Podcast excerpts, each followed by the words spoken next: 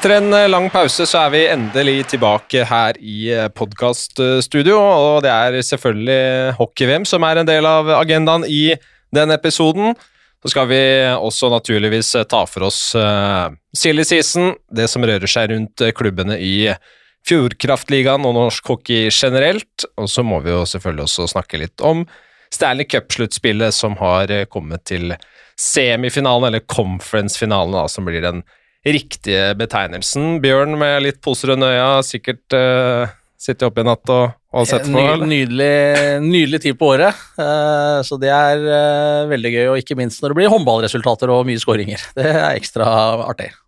Mens Jesper, småbarnsfar, midt oppi et boligsalg Satt kanskje ikke oppe i natt og så på Men enda større poser under øya. enda større poser. ja, det, det, det, det har du. Boligsalg, bryllupsplanlegging Det er, ja, det er, det er mye som skjer om dagen, men, er, men så jeg satt ikke oppe og så, så målkalaset, men jeg har sett alle måla i dag morges. Ja, deilig. Går du sånn boligsalg, går du for tradisjonell megler, eller, eller er det propper, eller hva skjer? Nei, det er eh, faktisk eh, tradisjonell megler. Ja. Eh, litt, orker ikke helt orker. det greiene der. Nei, ikke, ikke, ak ikke, akkurat nå, i hvert fall. Nei. Da hadde kanskje de posene hadde vært enda større, Bjørn. Ja, da måtte den hatt uh, brystholder under øya. Nei, men vi kan starte litt med VM, da. Vi skal få selskap uh, litt senere i episoden, men uh, vi tar det litt med dere først. Da. Hva tenker dere om det hockeygutta presterte i Tampere? Nei, det blei jo på en måte litt som man uh, kanskje hadde trodd. At det blei en uh, ikke en kjemping om kvartfinale, men en uh, kjemping om å motstå og rykke ned. Og det klarte man jo for så vidt med, med grei margin etter den seieren mot, mot, Østerrike. Og så var det litt synd da, at man ikke hang med litt lenger ved å slå Latvia, for det var en match hvor vi på en måte var på høyde, men, men klarte ikke å skåre nok, nok mål, dessverre. Nei, det blei ble mye nesten, og det var jo altså, Med litt stang inn så kunne vi vel i hvert fall hatt åtte-ni mål ekstra i det mesterskapet der, Jesper? Ja, absolutt. Og det, altså, det, det, var en del positive ting, og så tror jeg vi må være så ærlige også, så se oss litt i speilet og så si at det er, dette er kanskje det nivået vi er på i, per i dag også. Det er jo øh, Hva skal jeg si? Er, man, der, de der dagene hvor vi var på en måte en naturlig kvartfinalekandidat. Er kanskje litt eh, bak oss akkurat for øyeblikket, og så må vi prøve å komme oss tilbake til å være der. Da. og Det er jo litt i det derre den der generasjonsskiftet som vi har snakka om hundre ganger, eh, som landslaget er inne i, og, og, og, det å på en måte få de nye offensive kreftene til å på en måte være de som sørger for at vi produserer jevnt og trutt og kan avgjøre de, de jevne matchene i vår favør. Det generasjonsskiftet, altså måten man snakker om det det er sjelden man snakker om det når spillere som kommer opp Altså så lenge laget holder i hvert fall det samme nivået eh, eller blir bedre. Så det er jo en sånn måte å kamuflere på det at man ikke har klart å utvikle gode nok spillere i Norge, er det ikke sånn? Altså det, er, det, er, jo en, en, en, diskusjon, selvfølgelig, det, om hvordan man uh, har utviklinga vært god nok over tid. Har vi mange nok? Uh, hvis man går tilbake og ser på, på det laget som, uh, som Det sant, blir lett å dra fram det VM-et hvor alt gikk Norges vei. Da slått Tyskland 12-4 der. men da var det jo De aller fleste spilte på høyt nivå ute, ute i, i bl.a. ESL, som holdt kanskje et høyere nivå på mange måter da enn de gjør eh, nå, med tanke på hvis man ser på toppspillere eh, der også. Og, og, eh, er vi vi er ikke helt der hvor vi var. og du kan si var den, Der var det mange gode Både eldre spillere og de yngre spillerne var, var på en måte etablert i utlandet, og, og, vi er ikke helt der i dag. og Da har vi, på en måte må vi se oss selv i spillet. Har vi gjort en god nok jobb? Kanskje ikke, men det kommer også veldig mange spennende unge norske spillere. Det gjør det. Så er spørsmålet, Bjørn. Har man gjort en eller har jobben man har gjort i Norge vært for dårlig, eller er det sånn at de andre landene investerer mer i utvikling og, og har kommet lenger på den siden der de vi konkurrerte med og var bedre enn før? Jeg tror det er en kombinasjon uh, av det. Altså, det satses langt mer i flere av de nasjonene rundt oss. Uh, ikke minst se på de stegene Tyskland har tatt de siste par åra. Vi har snakka opp og ned i mente om Danmark i forhold til et par generasjoner, eller årganger, kan man vel si. Mange av de som spiller i NHL og som kommer jo rundt i samme så De er ikke så ulike alder på dem. Uh, Slovakia er en, på en måte en tradisjonsrik eh, hockeynasjon, Latvia det samme. Men Latvia har ikke flere ishaller enn uh, Norge, og har vel ikke så altfor mange flere hockeyspillere heller, hvis jeg ikke tar helt feil. Uh, men de produserer nye spillere på høyt nivå, og, vi har fortsatt bare Zuccarello i NHL. alle de andre landa Um, i hvert fall de, som, Hvis vi skal konkurrere med de som går til kvartfinalen, så har de aller Altså, de har flere spillere i, i en, i NHL enn det Norge har, som har uh, det ene flaggskipet i, i Mats. Mm. Vi skal ta og få med en som har vært uh midt oppi eh, det som har skjedd i, i Tampere. Sjur Robert Nilsen han eh, er en mann som lever åndefåken, og det er jo ikke en eh, sesong i, i denne podkasten her uten at vi har med Sjur Robert, så vi tar en telefon til Sarpsborg, vi. Halla, Sjur. Hallo, ja. Du har uh, endelig fått deg litt fri, eller? Ja, slappa av hjemme bare, egentlig. Jeg har ikke gjort, har ikke gjort veldig mye, for å si det sånn. Går du, går du litt tom innimellom du òg, eller åssen er det? Ja, det har vært eh, Ja, det må jeg ærlig innrømme. Det har vært uh, tomt nå, altså. Det må jeg si. Hvordan eh, Eller liksom hvorfor? Er det bare fordi det blir mye, mye med et sluttspill med Sparta og, og kok i, i VM? Ja, lang sesong, vet du. Det er mye jobb, og det er jo på klubbnivå.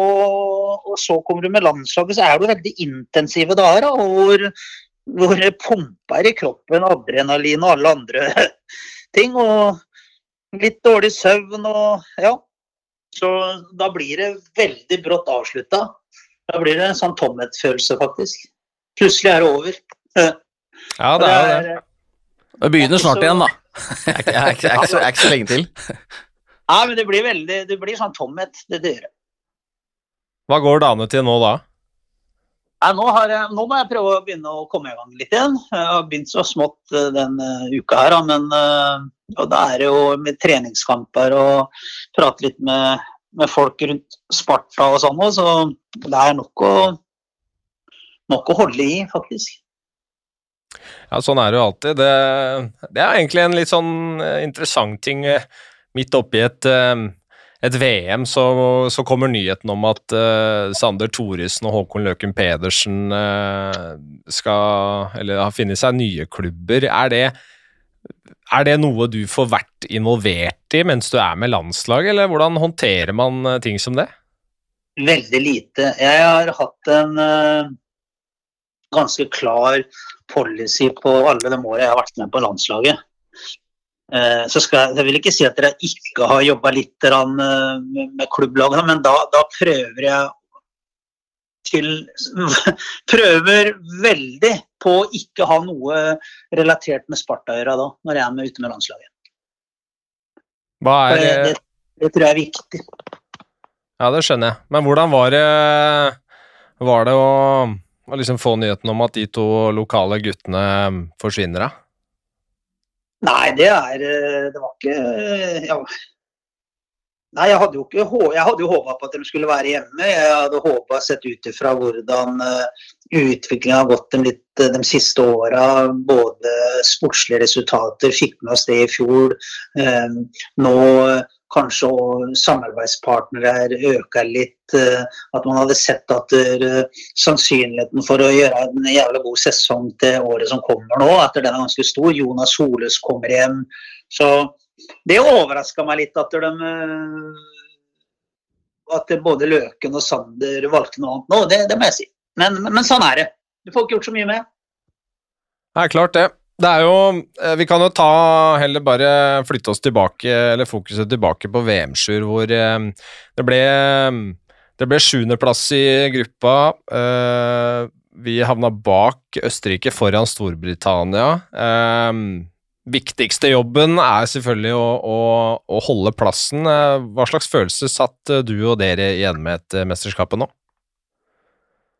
Er litt av den samme som han har gjort i veldig mange år, både som spiller og som trener, syns jeg. Så vet jo på vårt beste, så og med litt stang inn, så kan vi spille om å komme til en kvartfinale. Eh, går det litt imot, og du taper litt feil kamper, og resultater går imot i noen av de andre kampene med de andre lagene seg imellom, så brått så spiller du en eh, kanskje en for nedrykk, da, kanskje blir det avgjørende som en siste kamp og sånn. Så det her er jo ikke noe nytt. Vi har vel to kvartfinaler i to kvartfinaler i, i AVM da, og én kvartfinale vel i, i, OL på de siste på de åra vi har vært oppe siden 2006-VM i Riga. Så det er jo ikke noe som er eh, det er jo ikke noe dagligdags eller årlig eh, at en, en, norsk landslag spiller kvartfinale. Det er jo ikke. Så, Men vi er, på, vi, er, vi er, på, et litt annet sted nå enn f.eks. ti år siden, da, da kvartfinale var eh, Hva skal man si Det var vel ikke sånn at man før mesterskapene da snakka, snakka om at uh, hvis alt går vår vei og det er stang inn og vi er heldige, men da var det mer en sånn åpenbar ambisjon om, om kvartfinale enn en nå, føler, føler, jeg. da, Så veit jeg ikke om du har noen tanker rundt det? Jo, vi spilte vel to kvartfinaler etter hverandre i 10-11, eller om det var 9-10 og var vel, Jeg tror det var kvartfinale i 08, 11 og 12, var det ikke det? Ja, et eller annet sånt noe. Jeg ikke noe bare titta litt. Det som er kjennetegn på det, da, er jo at den gangen så hadde vi ganske mange spillere ute i den presumptivt eh, beste ligaene. Da. Eh, jeg tror vi var oppe på en, rundt en 15 spillere, tror jeg. I, i, når vi har vært oppe som spilte da enten SHL, Deutsche Eishockeyliga, NHL, AOL. Eh, mens i årets VM da, så er vi nede på Da har vi vel 18 spillere i, av 25. Så er det 18 spiller i Fjordkraftligaen eller eh, likverdige ligaer. da. Allsvenskan, eh, nasjonalliga B, slovakiske toppserien. Så det har noe med det å gjøre. Og, og, og jeg tror nok det at eh, vi har en jobb å gjøre av norsk hockey da, hvis vi skal komme tilbake til å, å, å være et lag som skal ha reelle målsetninger. At det, vi skal spille kvartfinale. Da, da, må vi gjøre noe. Og det, det det toget er, går jo, hvis ikke det har gått. at vi, vi, må, vi må, begynne å jobbe, gjøre litt mer i norsk hockey, tenker jeg. da. Hva er det du syns vi må gjøre mer av? Nei, Nummer én så begynner det vel, syns jeg det er litt på toppen. Vi har ganske, det enkleste saken i verden da, er jo å fortelle hva. Ja, kvartfinale. Ja, ok, er det det, Kan norsk hockey bli enig om at det, det er et naturlig mål å ha?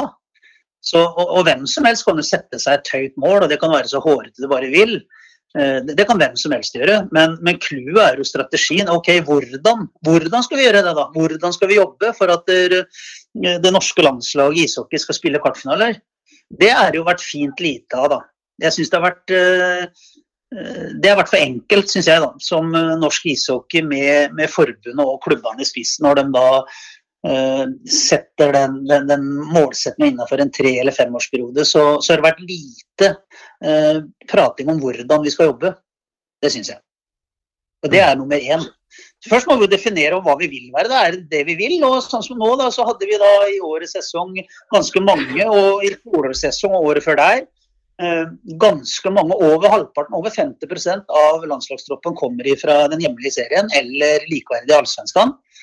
Eh, jeg tror at, eh, som vi alltid har sagt, i hvert fall de sier så lenge jeg har vært med, at skal man ha sjanse i et VM, så, så, må man ha spillere, flest mulig spillere ut i, i presumptivt bedre ligaer. Eh, nå har vi veldig få. Vi har noen, eh, vi har noen eh, yngre spillere. 01, 02-spillere, 03 og til og med noen 04 som er i SHL, som har fått eh, Jonsen, Martin Johnsen fikk jo prøvd seg noen kamper i fjor, som er 04. Magnussen fikk prøvd seg noen kamper. Eh, så, så sånn sett ser det ut som vi har en brukbar eh, litt ettervekst nå, da. Fra 0-1 med Emil Lilleberg og, og fram til de 04-guttene. hvor vi har et par 02-gutter, både Vold og, og Filip Granat, som har signert i Finland òg. Så, så, der ser det ut som at et, et uh, heter det, generasjonsskifte kan uh, gå ganske bra. Så spørs det om uh, hvor fort det går for dem òg, da. den, den årgangen der. Men det er én ting å få spillere ut i bedre ligaer, så må vi stille oss spørsmålet hvordan skal vi få det, da. og da tror jeg da at da er det viktig på, på, på, kort sikt nå, da, så må vi prøve å få Fjordkraftligaen til å bli bedre. Hvordan får vi den bedre? Uh, eneste vi har et vedtak på nå uh, fra Norges ishockeyforbunds styre, at vi skal gå ned fra seks til fem utlendinger. Uh, jeg er ikke sikker på om det nødvendigvis er så smart. Når, nå tror jeg òg faktisk det er rundt en 20 juniorspillere norske som velger å spille i den juniorserien i Sverige til neste år. Det tapper jo og serien vår for talenter òg. Potensielt uh, unge spillere som kunne ha spilt i, i Fjordkraftligaen, uh, velger å dra til Sverige. Så vi har i hvert fall en jobb å gjøre. Da, så jeg syns vi bør uh, kanskje være litt mer tydelige på hvordan vi skal komme dit vi vil. Da. Og det gjelder Norges Isforbund, det gjelder klubbene. Det gjelder at vi må ha, få en vesentlig styrking av ligaen. Det vil si, jeg har sagt noen ganger før Jeg tror eh, Håkan Sødegren eh, ble vel ansatt i, i Gateligaen den gangen, i 2009. Og jeg tror eh, Edvardsen, gamle fotballdommeren, han var vel ansatt før det. Og om han var da ansatt i 2006 eller noe sånt nå. I 2022 per i dag så har vi ingen ansatt i ligaen. Uh, Allsvenskan, som er en liga som vi i hvert fall har likt at vi bør konkurrere med. Og, noen har vel òg håpa på at uh, norske toppserien bør vel i hvert fall være bedre enn den svenske nest høyeste divisjonen. De har seks eller sju heltidsansatte. Så vi, vi, må, vi, må, gjøre noe. Vi må gjøre noe ganske fort, da, tenker jeg. Hvorfor velger uh, unge norske spillere flere som åpenbart kunne vært hatt ganske greie roller i laget i Fjordkraftligaen. Hvorfor velger de da å, å dra til Sverige og spille juniorhockey enn å bli i Norge? Jeg tror jeg det er like mange ulike årsaker til som det er antall spillere som er der. Hver, hver og en spiller har sin historie. og Jeg tror noen hadde, er det bra for. Uh, å komme til Sverige trene mye ferdighetstrening på morgenøkta, trene med lagstrening på, på ettermiddagen. Få mye istid, få mye, mye, repetisjoner. Og da å spille i en, en god juniorliga, for det er det. Den Super Elite i Sverige det er en bra juniorliga med høyt tempo. Eh, det det mangler, kanskje, er jo litt av den taktiske og kanskje den fysiske delen da, som er mindre. Så jeg tror nok For de fleste individene som velger det, så tror jeg det er rett for dem å, å være i Sverige, det valget de har gjort der. Men uh, på, på, kort sikt så er jo ikke det bra for juniorserien uh, eller, eller, for oss heller. Da, da tapper vi jo Vi tapper jo klubbene her hjemme òg. Men så vi har både på, på, kort sikt så tror jeg vi må gjøre mer. Vi må er hvor mange lag er det som uh, trener uh, godt nok i, i barne- og ungdomsåra? Det tar litt lengre tid. Jeg syns Norges Isforbund faktisk er litt skryt av dem òg. Jeg syns det virker som de har jobba godt på utviklingsavdelingen de siste par åra. Uh, med en tydelig plan og vært ute i klubbene og sånn. Men det er det å få det videreført ut, da. At vi, gjør, vi må gjøre mer. Jeg ser jo, Nå prøver de vel på å ta et grep på U20-serien vår sånn, ved å spisse opp den litt etter halvspilt serie. Det tror jeg er viktig. Eh, jeg tror det er for mange juniorlag i vår øverste serie som eh, har, og for mange spillere som har det som en hobby. Spørs om, kan, om du kan ha det som en, en bare en hobby å trene fire-fem ganger i uka og, og spille noen kamper når det er U20. Det tror jeg ikke går. Jeg tror vi må ha en toppserie som er like lite innrikta som eh, det er mot dem vi skal ut og konkurrere mot. Eh, så jeg mener at det er veldig mye, da. Og det hadde vært eh, mye Det hadde vært trist å sitte her og, og ha tanke på at ha tanke på at vi har maksa det vi driver med, Og for det har vi langt fra gjort. Det gjelder både på på utviklingsbiten i barne- og ungdomshockeyen. Og det gjelder også i, på, på, toppen i Fjordkraftligaen og i førstedivisjon. Eh, vi har ting å gjøre, men da må vi gjøre det. Vi må, vi må slutte å prate, og så må vi bli enige om ting. For det er mye positivt da, hvis du ser avslutning av årets sesong, når publikum og sånn har kommet tilbake, og når du så noen av både fra kvartfinaliserende, semifinaliserien, kanskje ikke finalen, den var litt for eh, enkel for Stavanger, men eh, noen av kvartfinaliserende, semifinaliserende var fantastisk eh, hockey. Eh, tett, mye folk, eh, mye følelser, stort engasjement. Jeg tror det var en veldig positiv Jeg tror det har vært et veldig positivt sluttspill for, eh, for norsk hockey. Så må vi ta det videre, da. Men det er ikke så veldig enkelt når vi ikke har noen ansatte i ligaen hvor klubbene prater sammen. eh, om ikke ukentlig, så i hvert fall veldig ofte, da, og setter strategier på hvordan vi skal utvikle serien, ligaen vår enda mer. Jeg ser jo, jeg delte noen greier og liker å gjøre det for å, for å kanskje gi et lite spark òg.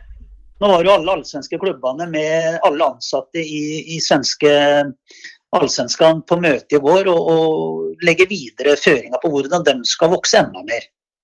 Mm. Mens vi har nok litt for store tendenser på klubbhockey nå. at Vi sitter på hver vår enkelt tue og vi er fornøyde bare vi, den enkelte klubben, gjør det bra.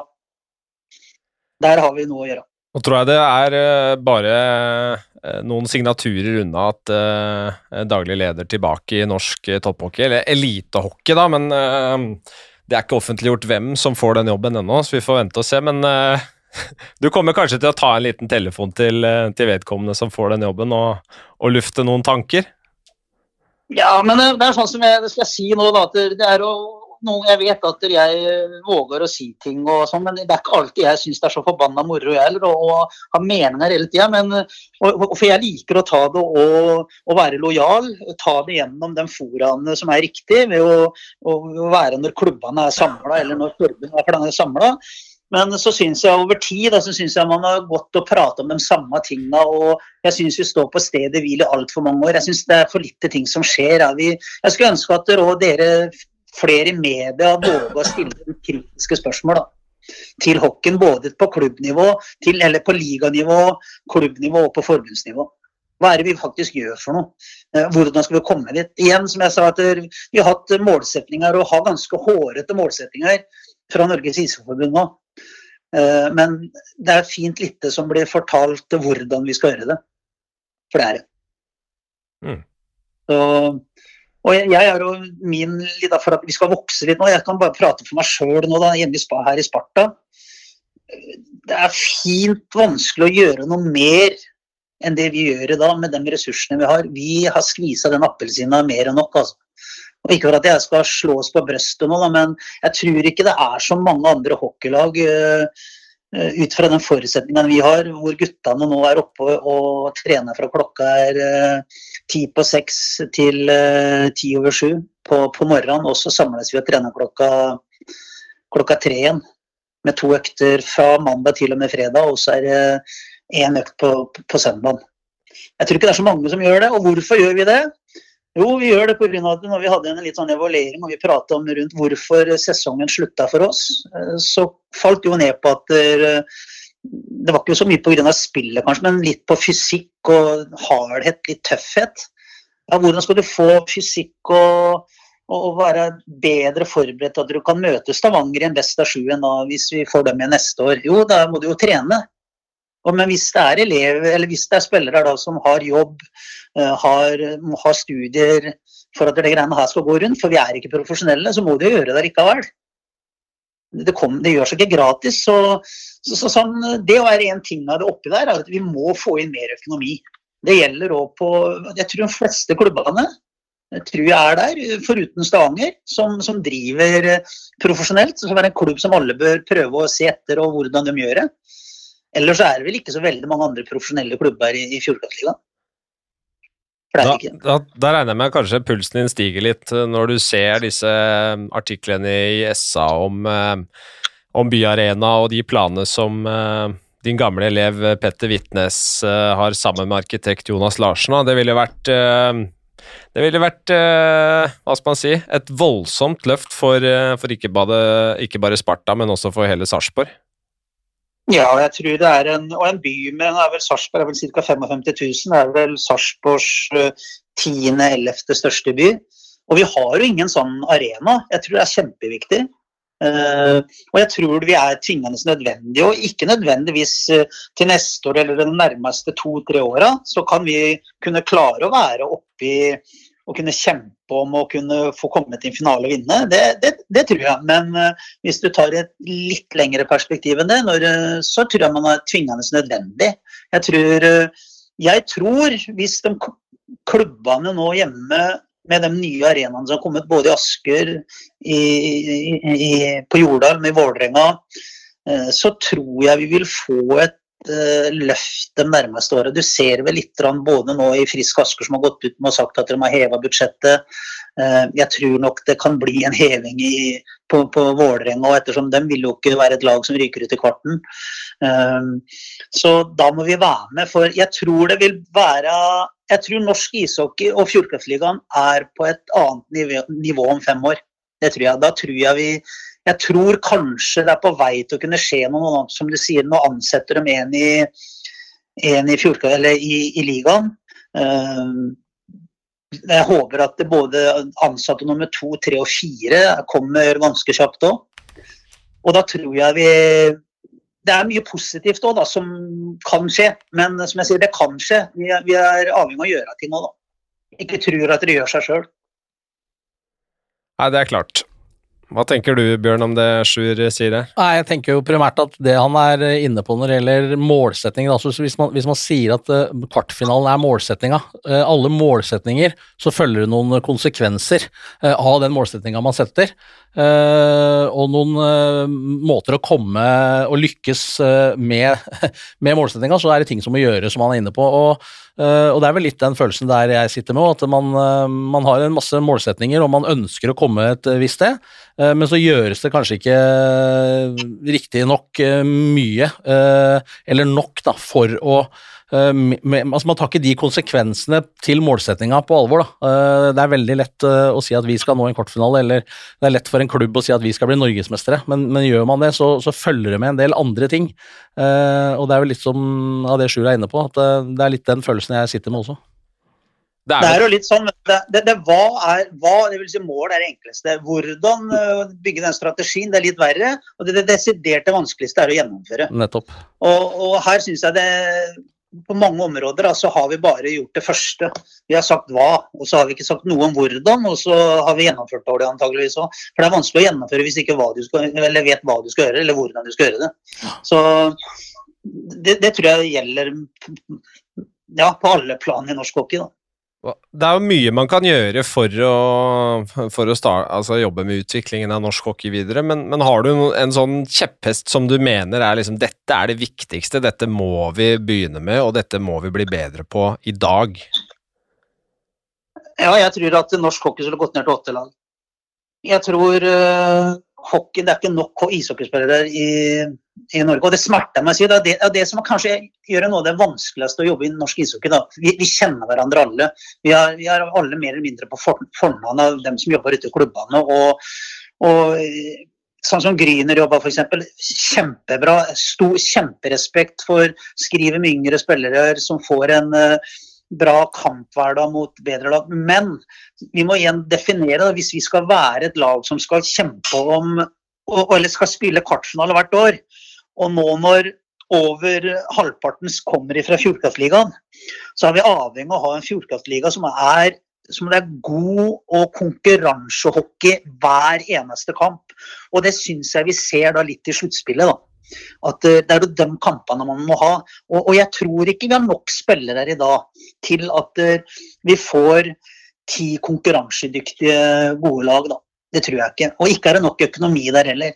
Det, vi har kamper som ble spilt i Fjordkraftligaen i dag som det er 150 mennesker på. Da gjør det det veldig vanskelig til å gjøre uh, ligaen mer profesjonell. Det gjør det. Åttelaget, lag, Jesper. Enig? Uenig? Eh, ideelt sett ikke enig, men, men jeg eh, kjøper, eh, kjøper, kjøper, jo det poenget. fordi det er jo, det er jo sånn at hvis man ser, skal man ønske et ønske om å profesjonalisere ligaen, så må det mer økonomi til. og det, da er ikke, Så selv om på en måte Gryner har jo levert positive tall, og, og alt sånt, så handler jo det om at på en måte hverdagen til de som spiller der, må være proff. Og det koster eh, mye penger eh, totalt sett for et norsk ishockeylag. Og da nytter ikke med 150 tilskuere på tribunen der, eller om det er 300 på til, tribunen på Manglerud, eller altså Dette er hand, altså man må, man må ha eh, en, eh, en ramme som som på en måte legger til rette for å drive profesjonelt, og, og det er vanskelig med de forholdene der, da. Ja, det, det, er ingen, ideelt sett vet du, så er det ingen som vil at det, Jeg vil jo ikke det. Jeg synes det, er, som jeg sier, det smerter meg å si det. For, for en del eh, som jeg ser sånn som Gryner har jobba, jeg fjær hatten til dem. altså. Men hvis vi igjen da, må, det er noen krav og noen konsekvenser hvis vi vil ha en profesjonell liga. Hvis vi mener at det, er det å være profesjonell at det, er det vil hjelpe norsk ishockey til å skape bedre hockeyspillere, som gjør så at norsk ishockey, norske landslaget, kan skape bedre resultater, da må vi òg våge å ta noen konsekvenser.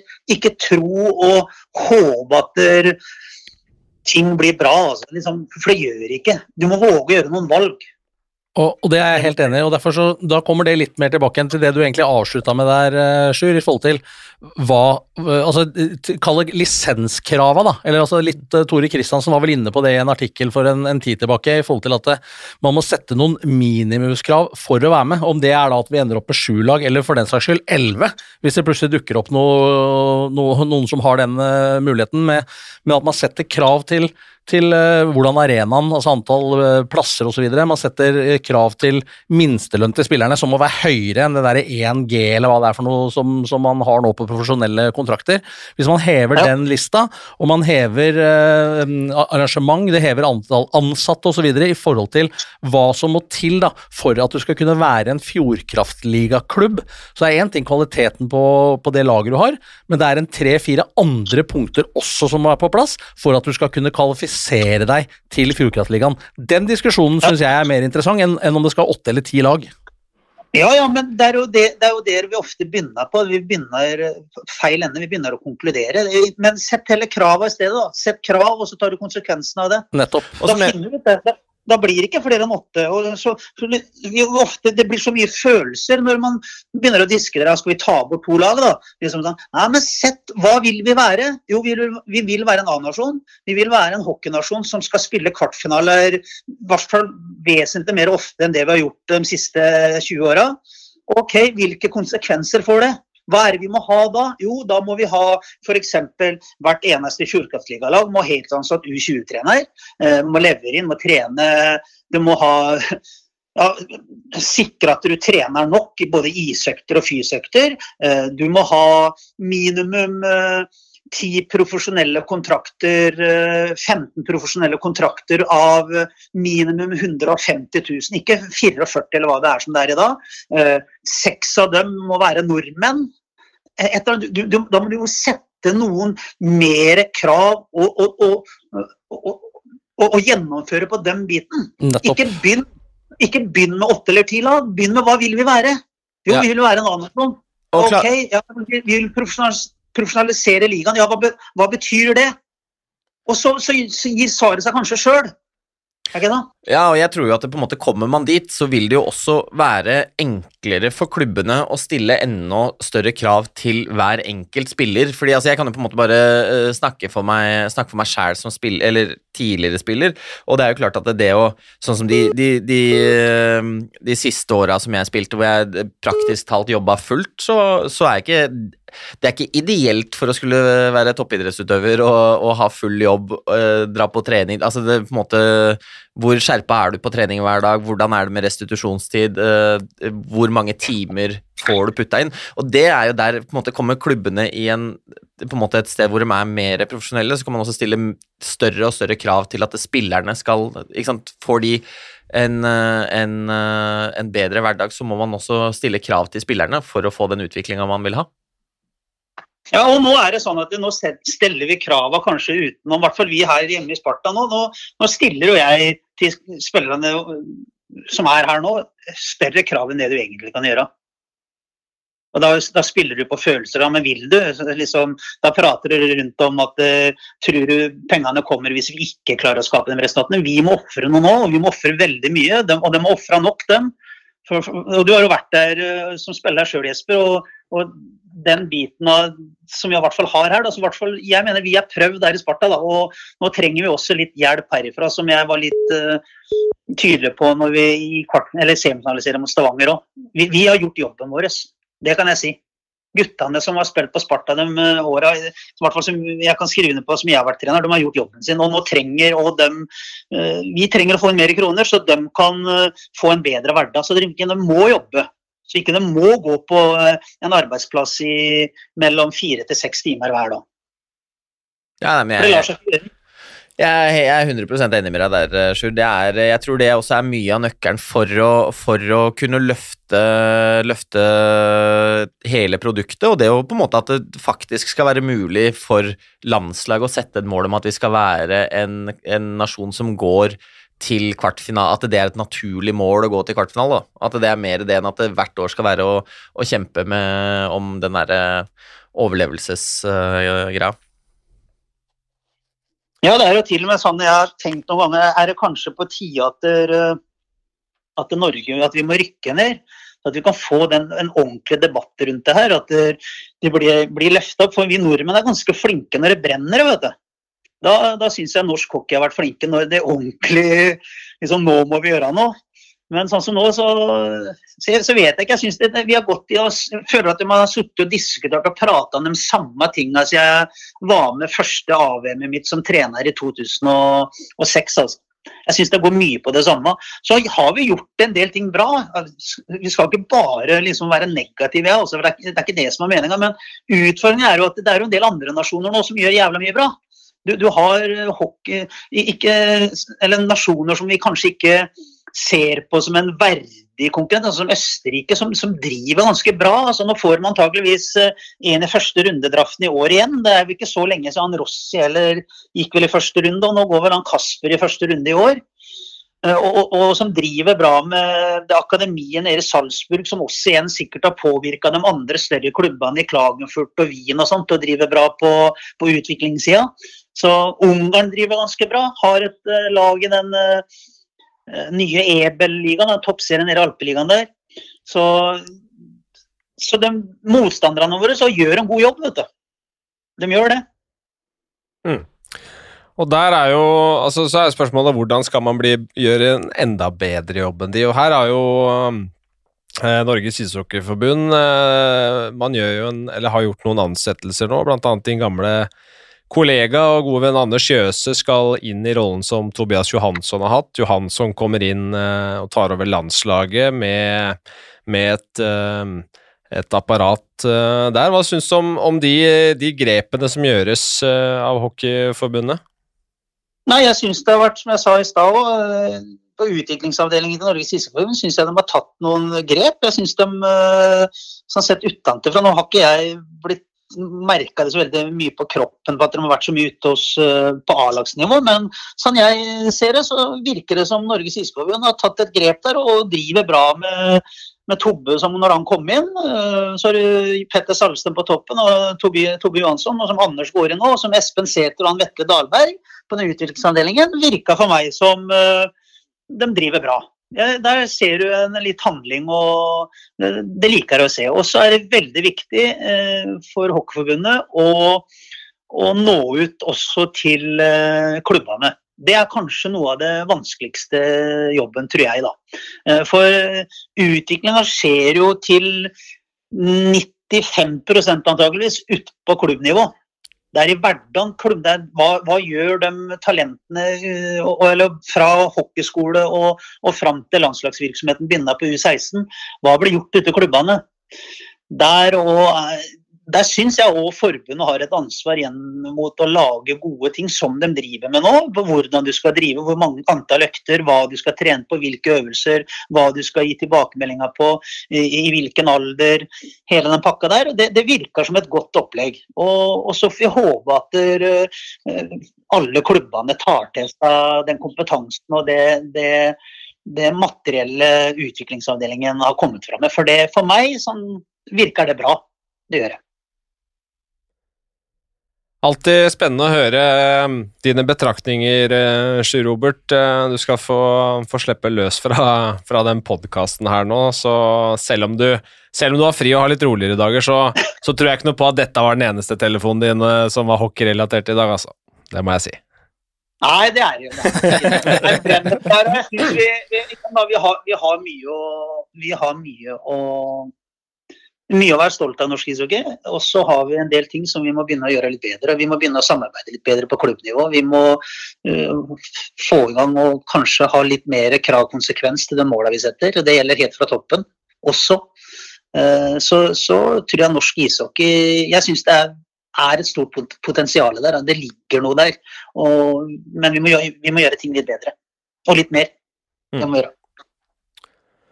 Det, Riktig, Sjur. Nei, men takk skal du ha for, eh, for, praten. Så får du nyte eh, de rolige dagene videre, så, så snakkes vi seinere.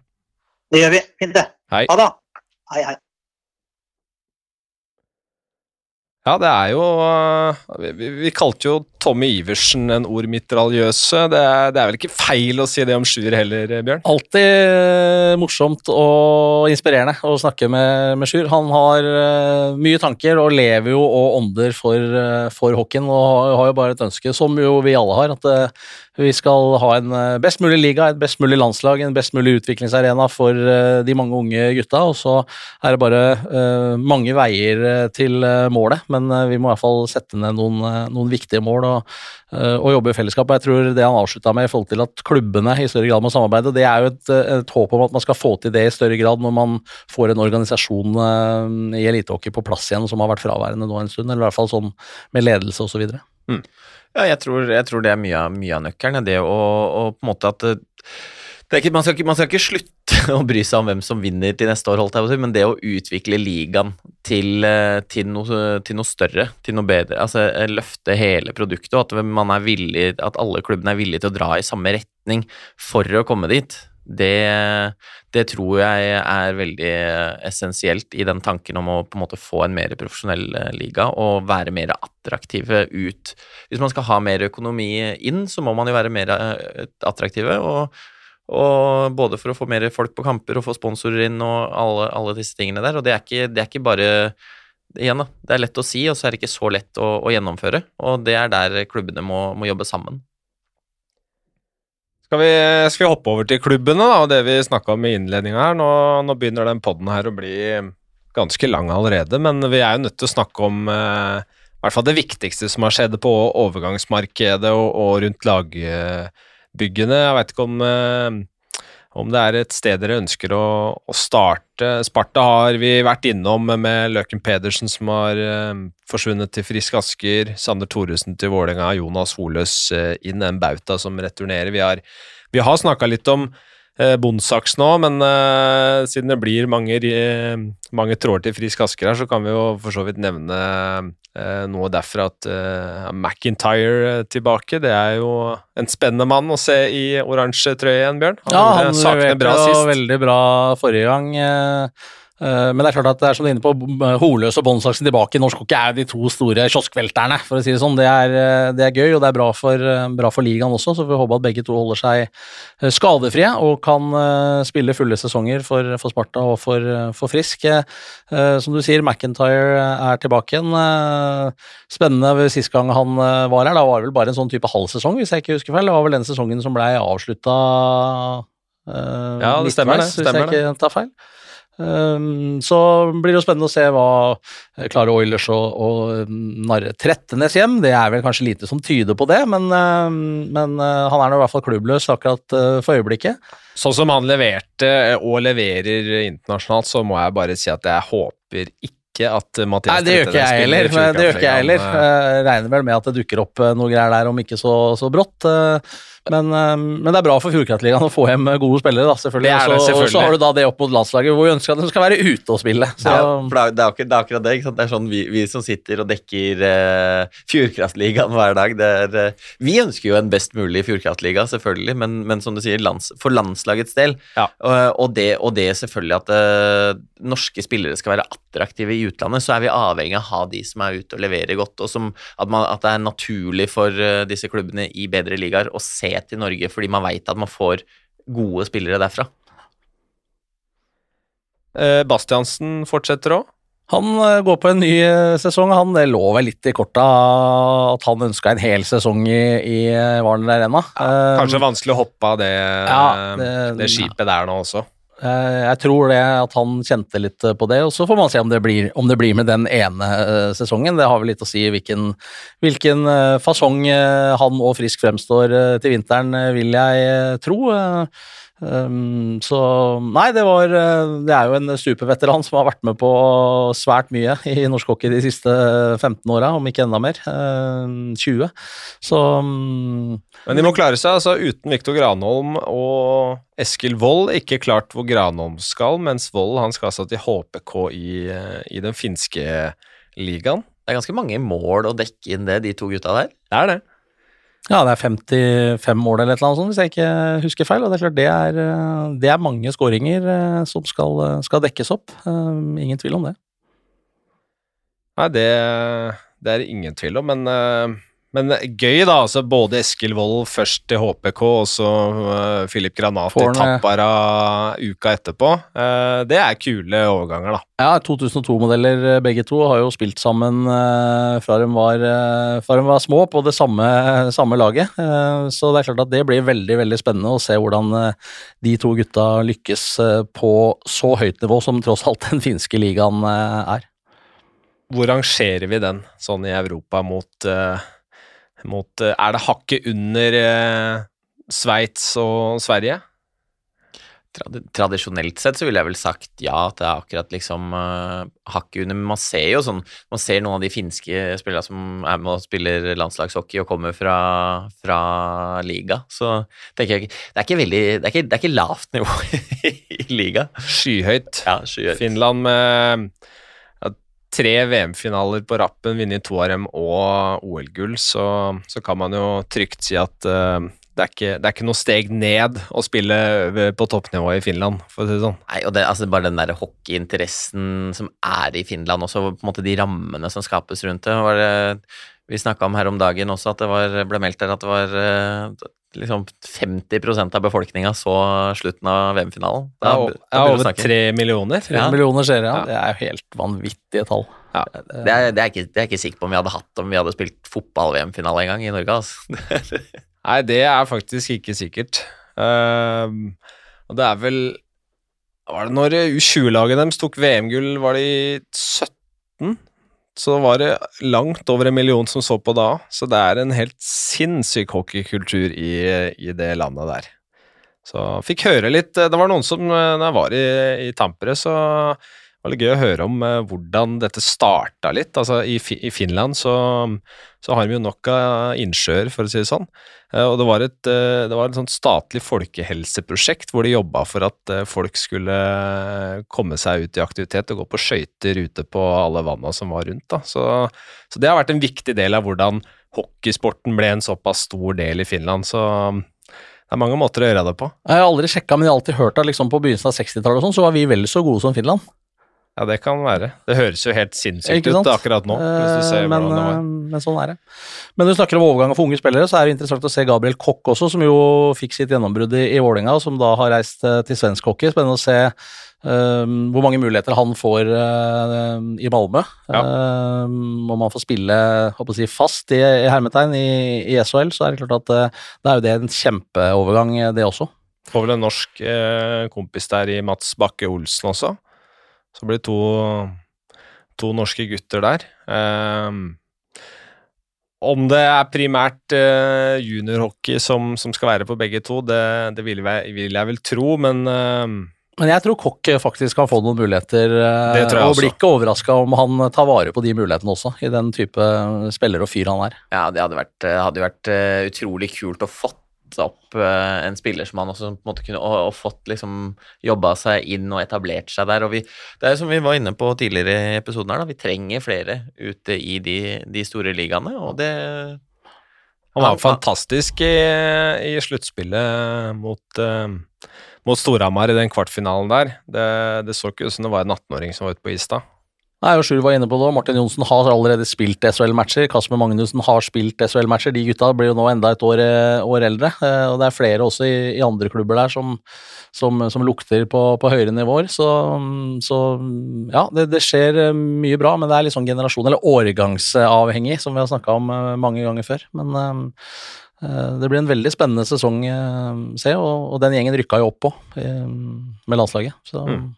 Selv om de ikke får spilt AVM, for de er for gamle. I hvert fall de fleste av dem. Ja, ja det er alltid det som er kjedelig. Da. Når du først er med på et opprykk, så er det opprykket det blir, og så får du se i hvert fall i, i aller fleste tilfeller så ser du de andre rykker ned året etter. Men det var en del 05-gutter med på det, på det landslaget som skal ta den gruppa videre neste år, så det blir spennende å se hva de kan få til. Men det, ja, men akkurat det, da. Det har vel, for det har vel egentlig aldri skjedd at vi har klart å holde oss uh, i AVM på juniornivå to år på rad. Så, eller altså at vi har klart å holde oss, da. Så jeg tør ikke vedde mot deg, selv om jeg, jeg veit ikke, men uh, jeg tør ikke som sagt vedde mot deg på den, altså. Det gjør jeg ikke. Storhamar, hva syns dere om, uh, om, lagbygget der? Det har ikke skjedd uh, altfor mye.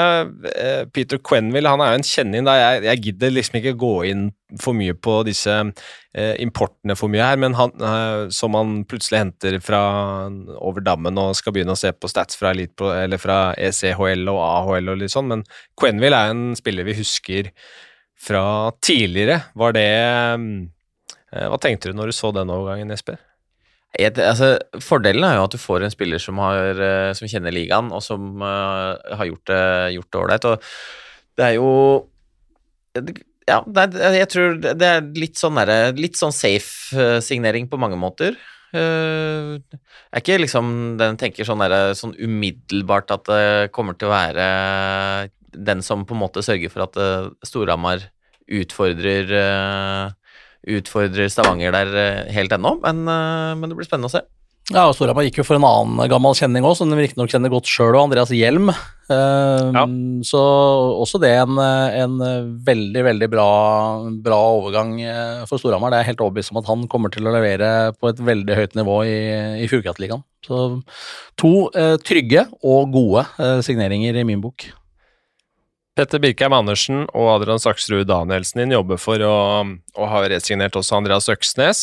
Uh, det handler om å liksom bygge den norske stammen bra nok. Jeg tror de jobber hardt for å beholde Sande Wold Engebråten der, og det skjønner, man jo godt. Uh, en spiller som også har tatt uh, veldig store steg.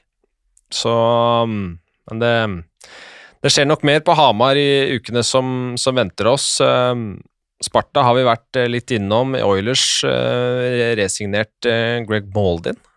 Ja, hvorfor ikke? Ikke noe stor overraskelse det Nei, etter det sluttspillet. Alder er bare tall, som de sier. Ja, og, og, på en måte, de sier jo det at uh, han er vel omtrent den, den, som legger ned flest treningstimer der borte, så det er jo det, når vi snakka med noen av gutta i, i sluttspillet, så mente at, at Moldin han, at han skylder fettprosent. så, at det, så at han kan være en, ah, ja. en fin bidragsyter for Overrasker meg ikke i det hele tatt ja. at han uh, fikk muligheten til å fortsette. Nei. Skulle bare mangle det, egentlig. Men han uh, Det er, det er sterkt, det òg, da. Og liksom, I kamp 1000 så scorer du game winning goal, det blir playoff-profil, du tar tittelen. Nei, vi fortsetter litt mer.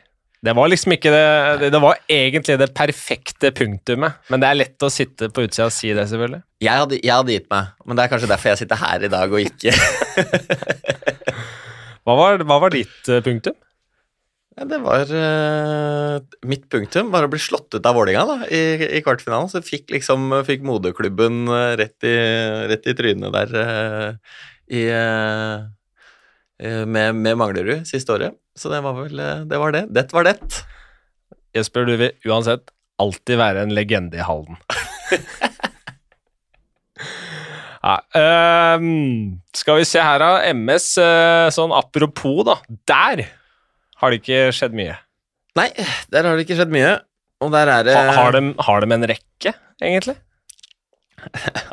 hvis, hvis, du ser på laget deres på, på eliteprospekt, uh, og så er ikke sikkert det alltid like oppdatert, um, så står det headcoach uh, Roy Johansen, og så står det ingen spillere der.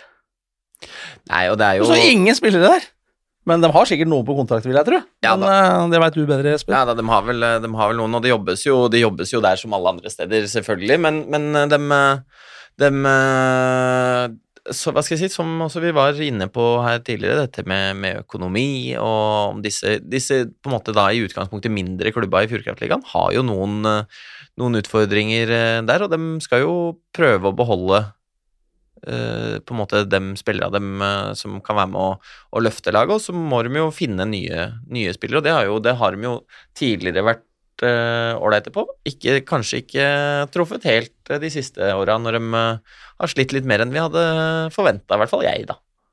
Men det vil jo være ganske avhengig av at mange av de som var med forrige sesong, fortsetter. For hvis for mange av de legger skøytene på hylla, så blir det plutselig vanskelig. for eh, Gryner har uh, signert en god del spillere fra, fra førstedivisjon. Andre spillere som har vært eh, toneangivende der, har gått til andre eh, bytte av beite, f.eks. fra Lørenskog. Nidaros resignerer mye, så, så, så det Det er ikke sånn at det er ekstremt mange norske spillere tilgjengelig på markedet. Nei, hvis, hvis å si, halvparten av de gutta som har litt erfaring der, og som har spilt Fjordkraftligaen i fem år pluss, plutselig finner ut at dette her gidder vi ikke mer, eller, eller hopper til eventuelt andre klubber, eller Ja, så vil jo Manglerstad få en kjempeutfordring, for de, de har ikke noe sånn kanon juniorlag der oppe lenger heller. Nei, og dette, dette er jo litt av den problemstillinga som Sjur var inne på, da. At det er egentlig nok spillere som holder på en måte et uh, godt Fjordkraftliga-nivå uh, per i dag til å ha ti lag. Det er jo det som på en måte er Blir jo litt argument for hvorfor det kanskje ikke, ikke skal være det, men det er jo hva skal jeg si, MS pleier jo å klare å stable et lag på beina, så, men sånn det ser ut i dag, så kommer de jo til å det blir jo kjempe i bunnen et, et nytt år, men jeg tror det er veldig, det er veldig bra for mange du har fått med, fått med Roy et, et, år videre, å få litt mer den Hva skal jeg si Den treningskulturen og det systemet som han tar med seg, da. Målet vel er vel å være Bli best på spillerutvikling. Det er vel det som er liksom fanesaken i, i garasjen uh, nå. Som du sier, Roy Johansen, uh, er det én ting han er glad i, så er det, så er det å trene hardt. Og trene mye. Trene hardt og mye, og det er, si det er gratis å trene. Ja, det er ikke feil, det. Uh, Stjernen, der har det ikke skjedd altfor mye der heller. De trenger jo en erstatter for Jørgen Hanneborg, men det mest interessante der er jo kanskje hvem som skal bli hovedtrener, og det virker som at det er Fredrik Johansson som har leda Halmstad i Hockeyettan, som er mest aktuelt, da, men det er ingenting klart uh, der. Heller ikke klart uh, på, på, Jordal. Er, begynner, begynner å liksom bli seint, eller, eller, Nei, er det greit med tid? Jeg, jeg, tror ikke det er noe problem. begge gruppene er selvfølgelig i gang med treninga og, og Eh, og holder i gang. Eh, Vålerenga har jo ansatt uh, assistenttrener, og det er vel sånn at Lasse Fjelstad fortsatt skal, skal fortsette i Stjernen også, så det er helt sikkert Altså, det, det, holdes i barmark og alt som er, så at de ikke har en hovedtrener på plass ennå, det, det, det, ser jeg ikke på som en så stor krise. Og det som er litt spesielt, spesielt med Stjernen er at de ikke bytter ut seks utlendinger. Så de har ikke en like stor jobb å gjøre. Eh, de fikk resignert Davies, de har Ellis og Cangelosi på kontrakt. og Det betyr at den utlendingsjobben man skal treffe på seks av seks igjen når de kommer utenfra osv., den er litt annerledes enn det har vært eh, for, eh, for Stjernen i år. Ja, men jeg vil jo si altså sånn sett så er det jo på en måte en, en Stjernen har jo en del, del spillere sånn sett, at, men den utfordringa hos Vålerenga er nok kanskje større. Det tenker jeg også. Det å få inn en tre, Skulle du få inn en trener, og så vil jo egentlig ofte treneren ha sitt å si om hvordan laget skal være, være, hvilke spillertyper man egentlig vil ha, ut ifra hvilken spillestil man ønsker seg, og, og, og diverse. Nå ble det jo valgt inn nytt Eh, styre på, på Jordal her om dagen. Og, og dem har egentlig bare tida av veien for å få ting, ting i gang. Altså et, et, lagbygge for sesongen etter burde jo egentlig starte ganske, ganske tidlig, eller si, i den sesongen man er i. Og det Vi snakker 1. juni her, og det, da er man jo seint ute. Uh, tror du vi ser Steffen Søberg i Stjernen, eller uh... Jeg tror eh, Nei, personlig tror jeg ikke det. Eh, jeg tror kanskje at vi ser eh, Steffen Søberg på, på Manglerud. Ja, det gjør det? Ja, ja. Men vi får se. Nei, jeg tenker at øh, Hvis det hadde vært Stjernen, så tenker jeg at det hadde vært i orden alt. I og med at det er såpass lenge siden nå at det var klart at han ikke fortsetter i, i Vålerenga, så ville jeg tenkt at øh, hvis Stjernen gikk all in øh, på Søberg, så hadde det vært i orden. Og så holdt jeg vet, så kan det godt at det er knallharde forhandlinger fortsatt på kammerset der, men, men den du kasta inn der, Jesper, den er jo interessant at Søberg skal gå til, til Manglerudstad. Det Jeg håper, øh, men for å si det sånn, jeg, øh, i utgangspunktet så håper jeg at øh, Steffen Søberg skal spille i en klubb som skal være med å kjempe i, i toppen. Jeg mener at han har et meget høyt potensial. Nok, kan nok ha godt av et miljøskifte bort fra Jordal. Og, og det å finne tilbake til, til gammel storform for, for Steffen, det tror jeg hadde vært, eller det hadde vært veldig moro å se. Så om det hadde blitt Stjernen, eller om det blir et, et annet sted, det, nei, det blir spennende. Ja, hvilke andre ja, for det, På Lillehammer så er vel både Dakell og Gran eh, kontrakt videre. Ja, så Stemmer er det. Gran forlenga vel nå. Ja, og Dakell har, eh, er videre. Så det er egentlig bare Stjernen som på en måte ikke har keeper, da, i tillegg til Magnus der. Ja, Det er eh, korrekt, det. Ny importkeeper på Eller hos Gryn- Gryner òg. Papillot tilbake til Frankrike. Lyndon Marshall inn. Eh, en av disse nordamerikanerne vi ikke skal snakke for mye om. Vi skal vente litt eh, før vi ser deg, før vi konstaterer litt mer. Men eh, en nordamerikaner bakerst, Jesper, det, det er aldri feil i et lag som man forventer å ha i, i bunnen, er det ikke? Er det? Nei, det, det har vært, det har vært flere, flere, flere lag som kjemper i bunnen som har valgt den løsninga, og det er greit å ha en som, eh, som eh, kan vinne matcher eh, for, for laget. Og så får man se da om man kan være like bra som, eh, som Papillon. Det blir, ikke, det blir store sko å fylle. Enkelt og greit. Det blir jo sånn, det er nytt uh, uttrykk på Grünerløkka, det har jeg hørt. Hoppe etter papillon. Men uh, en ting jeg vil høre om, da. Altså, uh, vi, det har vært, mye har vært sagt og mye har vært skrevet om Vålerenga de siste månedene etter eh, kvartfinale exit mot Storhamar. Hvordan Altså, hva, hva syns dere om, om, om det som har foregått på Jordal de siste par månedene? Nei, det er, det er Utad har, utad har det jo fremstått veldig kaotisk. Og, og det er nok en del prosesser som har vært gjort der, som, eh, som kunne vært eh, ryddigere. Eh, men, det, det var jo Jeg tror også det er sunt for Vålerenga å fornye seg, da. At man bytter ut en del av eh, det som har vært eh, tidligere, og, og at man på en måte skal ta et steg inn i inn i framtida og komme på en måte ta med seg det som har vært bra med Vålinga, eller altså den, denne Vålerenga-kulturen som alltid blir snakka om, og så, og så må man bygge en moderne organisasjon på Jordal som er, eh, som er eh, hva skal jeg si, dyktig, altså konkurransedyktig med de andre topplagene. Og, og det Sånn, sånn jeg oppfatter eh, de på en måte største konkurrent Eller altså de, på en måte, de som skal kjempe om gull, så er, holder det ikke lenger å bare på en måte pøse penger inn et år for å kjøpe seg til, eh, til et gull. Det er- handler om å bygge en organisasjon som på en måte jobber profesjonelt eh, i år etter år, og, og det er jo en grunn til at Stavanger har vært eh, lokomotivet de siste ti-tolv åra. Ja, det er jo bare håpet for Vålerenga sin del at de har, måte, nå har de fått seg noen på trynet. Eh, vært mye negativ fokus på både personalbehandling og det at Båndsaksen valgte å ikke komme hjem til Vålerenga. Det er kuppforsøk og litt av hvert. Får, eh, jo håpe og tro for Vålerenga sin del. For, for man trenger på en måte et bra Vålerenga eh, i Fjordkraftligaen. Eh, et ryddig Vålerenga i Fjordkraftligaen. Eh, så får man håpe og tro at de på en måte har kaller litt sånn samling i, i bånn, at de staker ut en, en ny kurs. For det, det, det holder ikke lenger å si at de har så innmari mange kongepokaler. Eh, De har kanskje tulla seg litt for mye inn i den historikken at eh, vi er jo alltid best, men de har ikke, nå er det lenge siden de har vært det. I hvert fall når det gjelder eh, kongepokaler. Snakker vel 2009, er ikke det riktig? Med Kenneth Larsen som uh, Som sørga for den, den der, og det er, det er 13 år siden. Um, da holder det ikke med å snakke om at vi har mest kongepokaler i ligaen.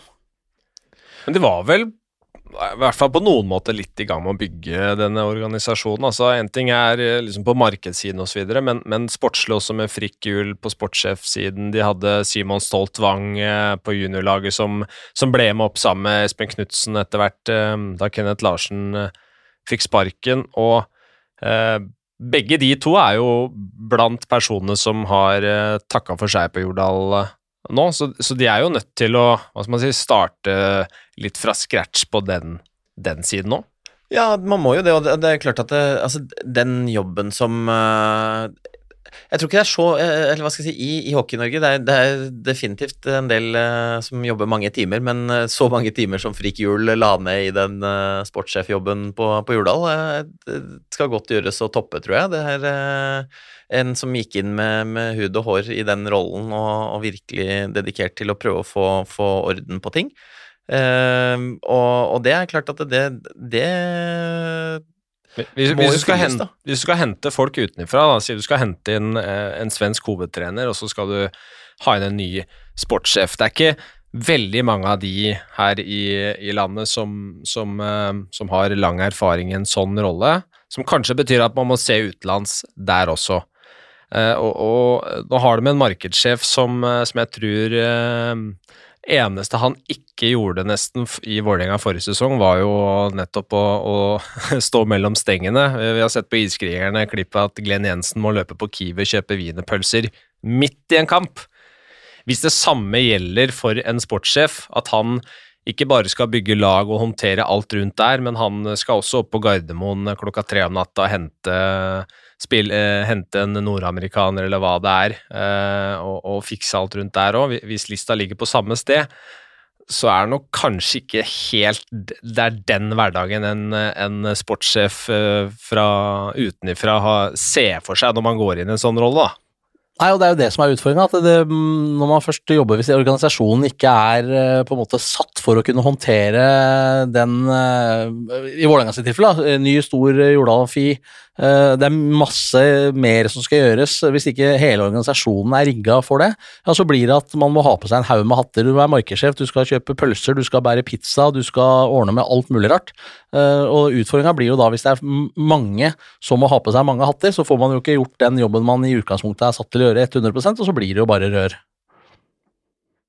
Ja, nei, men 100 det, det er jo det, og det, her ligger jo mye av utfordringa til, til Vålerenga. Man må klare å ha, bygge en organisasjon som håndterer det man ønsker å være. Da. Og Det blir jo litt som når vi snakker om landslaget. Hvis vi ønsker å ha et landslag som skal kjempe om å gå til kvartfinale hvert år, ja, da må vi se til konkurrentene våre. Da. Hvem er det vi egentlig kjemper med, og hvordan er det de gjør det? Og Sånn er det jo litt for Vålerenga. Hvem er det Vålerenga egentlig kjemper med? Da? Jo, du har lokomotivet Stavanger, som, uh, som, kommer til å uh, kjempe om NM-gull i mange år uh, framover. Man har et uh, Frisk Asker som satser satser på å, å, etablere seg helt i toppen hvert år. Man har et Storhamar som nå på en måte med, satser med Petter Thoresen i spissen. Det er eh, Ikke sant, man har ja, Sparta og Sjur som på en måte ønsker å kjempe i toppen. Du har et Stjernen som sier at de skal bygge, bygge eh, stein for stein år etter år. Og det er liksom Det er ikke bare å melde seg på i toppen eh, igjen for, for Vålerenga heller. Skal vi ta litt Stanley Cup før vi runder av, så ikke blir uh, for, altfor lang uh, den episoden. Det er mulig noen er på overtid allerede, men, uh, men altså Det er fire lag igjen i kampen om uh, den største bøtta i hockeyen. det er Tampa Bay Lightning og New York Rangers, og det er Colorado Avalanche og Edmonton Oilers. de to sistnevnte hadde første akt i, i sin semifinale i natt, som altså endte intet mindre enn åtte 8-6. Spinnvilt. Ja, det, er, det, har vært noen helt sinnssyke resultater uh, der borte nå. Ja, og Edmonton har jo vært involvert i en tidligere. 9-6 tapte de for, uh, for Calgary uh, i The Battle of Alberta, som, som, det heter. Tok seg videre der på, på overtime mot, mot, Calgary. og det har vært skåra massevis med, med goller i den serien. Colorado, St. Louis uh, ble liksom skåra en fem, seks, sju mål i, i alle kampene der også. Det har ikke vært så mye sånn 2-1 og 1-0 og, 3-2 og, og, sånne low scoring games. Så har du da superduellen der med Conor McDavid og Nathan McKinnon. Det er litt sånn Hawkins Messi mot Ronaldo, føler jeg, på, det, på den duellen her. Ja, det er helt riktig. Og McDavid eh, og Paresen Dreisaitl har jo bare levert helt eh, ville tall eh, så langt. McDavid med var ved tre poeng igjen i natt mot, mot Colorado, så det er klart at dem, han fortsetter i samme stilen, selv om det ikke holdt for, for Edmonton eh, i, i går. Men McKinn McKinnon med én pluss én, liksom. Så de gutta fortsetter å levere, men, men det McDavid og Drysettle holder på med, har vært helt sjuke greier. Ja, og det, altså, det, er, det, er helt, det er helt enormt. Og så altså, da, har jo eh, Evander Kane har jo blomstra under dette her også. Fra fra å være fullstendig avskilta her eh, midt i sesongen og, og først flytta ned på, til, eh, til AHL i San Jose der, og så, og så plassert på hva det heter, unconditional waivers, bare for å terminere kontrakten hans. Plukka litt opp på kjangs av Edmonton der, og nå er han eh, vel den som har scora flest mål i, i sluttspillet. Jeg sa til deg på telefon og i rekke med Drycytle og McDavid, da skulle faen meg jeg skåret noen mål òg, altså. Ja, det er, eh, Nei da, ikke, skal ikke ta noe ifra Kane. Nei, det, er, det er gøy, det. Nå Det var vel ikke eh, rekke sammen på, I hvert fall ikke på lineskiten i natt, var de det? Uh, nei, det var uh, Hyman som spilte Ja. med, med McDavid og, og Dreisaitl. Hvem tror du tar, tar den, da? Colorado. Den serien? Colorado. Mm, Jeg tror også Jeg tror nok også Colorado kommer til å ta den til slutt, basert på at de har et eh, Altså, de er litt, de er litt dypere. eh, mer solid eh, lag totalt sett, og så er Men det er klart at det, hvis Har vel i utgangspunktet hatt bedre i målvakt òg, men i går så ble jo begge to bytta ut. Så, ikke sant? så takk for den. Men apropos målvakter, da, hvis du ser på den andre serien med, Ja, med, med. Tampa og New York, det er liksom altså, Vasilevskij der og, og, eh, og han godeste Sjesterskin uh, Nei, altså, det er jo Det er, altså, det er så eh, altså, Ja, det så- kan jo bli eh, Det kan bli low scoring eh, serie. Det kan fort, eh, der kan fort en matcha ende i 1-0 på Sudden og sånn, for de målvaktene er sjuke. altså, var det så her at, det, at det, sånn er det når det er uh, altså, avgjørende kamper og Aslewski ja, var det liksom Han slipper ett mål da, på sju kamper.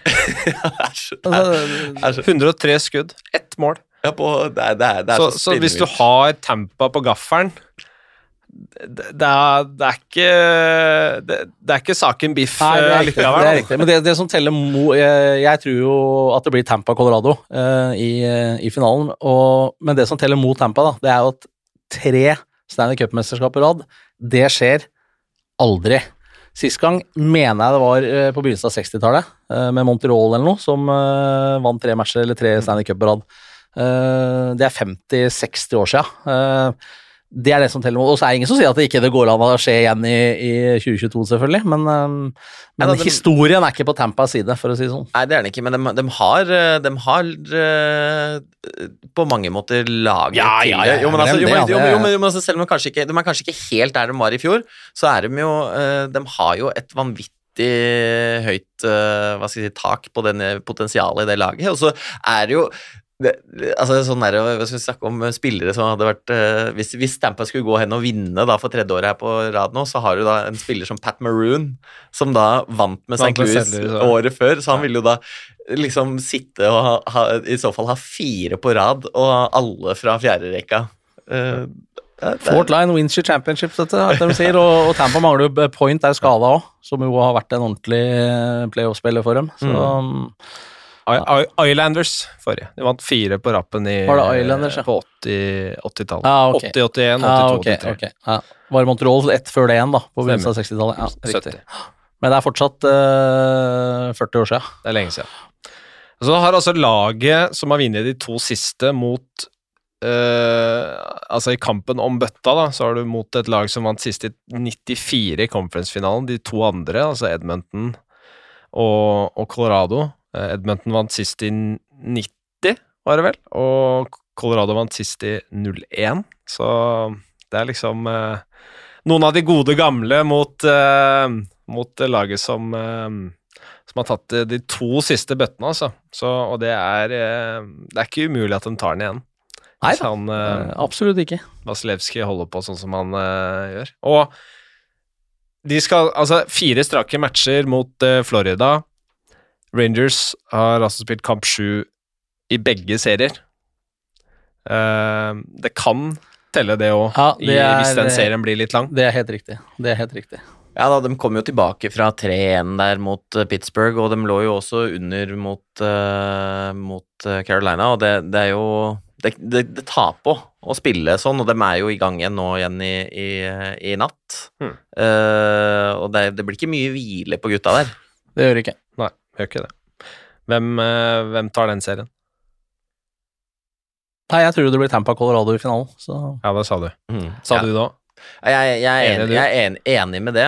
Jeg er enig med du. Uh, ja, nei, så det, Jeg tror rett og slett at det, har blitt for, at det blir for mange matcher for New York til å, å kunne ta Tampa over en best av sju nå. Vi får se hva det blir. Det, Men jeg er fryktelig dårlig på oddstipping, så det kan godt hende at det blir uh, akkurat omvendt, bare så det er sagt. Så ingen må eh, legge alle penga på det jeg har sagt, bare så det er Jeg, jeg, bomma, jeg bomma så fælt i sluttspillet vårt at jeg gidder ikke si noe. Jeg. Så Så det lukter jo New York Edmonton i finalen, i Ja, og vi med at jeg har tippa Tampa Colorado. vi fikk, vi fikk, Så- fikk vel den på, på Twitter et par ganger der, at det, den, der, den der gjengen i TV2 har tippa, det er bare å tippe motsatt, så vinner du. Ja, det er helt riktig. Så, så jeg har gitt meg, enkelt og greit. Jeg, tipp, jeg tipper ikke lenger. Nei. Nei ja, men uh, greit. Da har vi vært gjennom lista mi. Uh, vi kunne tatt mye mer om overgangsmarkedet i Fjordkraftligaen, men uh, det blir flere podder i løpet av året. Så, og når sesongen nærmer seg og lagene kommer litt i gang, så skal vi selvfølgelig gå litt nærmere inn på de tinga der også. Så jeg tør ikke helt å si at det er eh, liksom sommerens siste på det. Jeg syns vi må ta Kan det bli en til om 14 dager? eh, ta en til om et uh, par uker, bare for å liksom uh, få med oss det aller siste før uh, Hockey-Norge tar, tar sommerferie. Og så ser vi hva som skjer i løpet av de neste to ukene, og så snakkes vi da. Tusen takk for at du hørte på.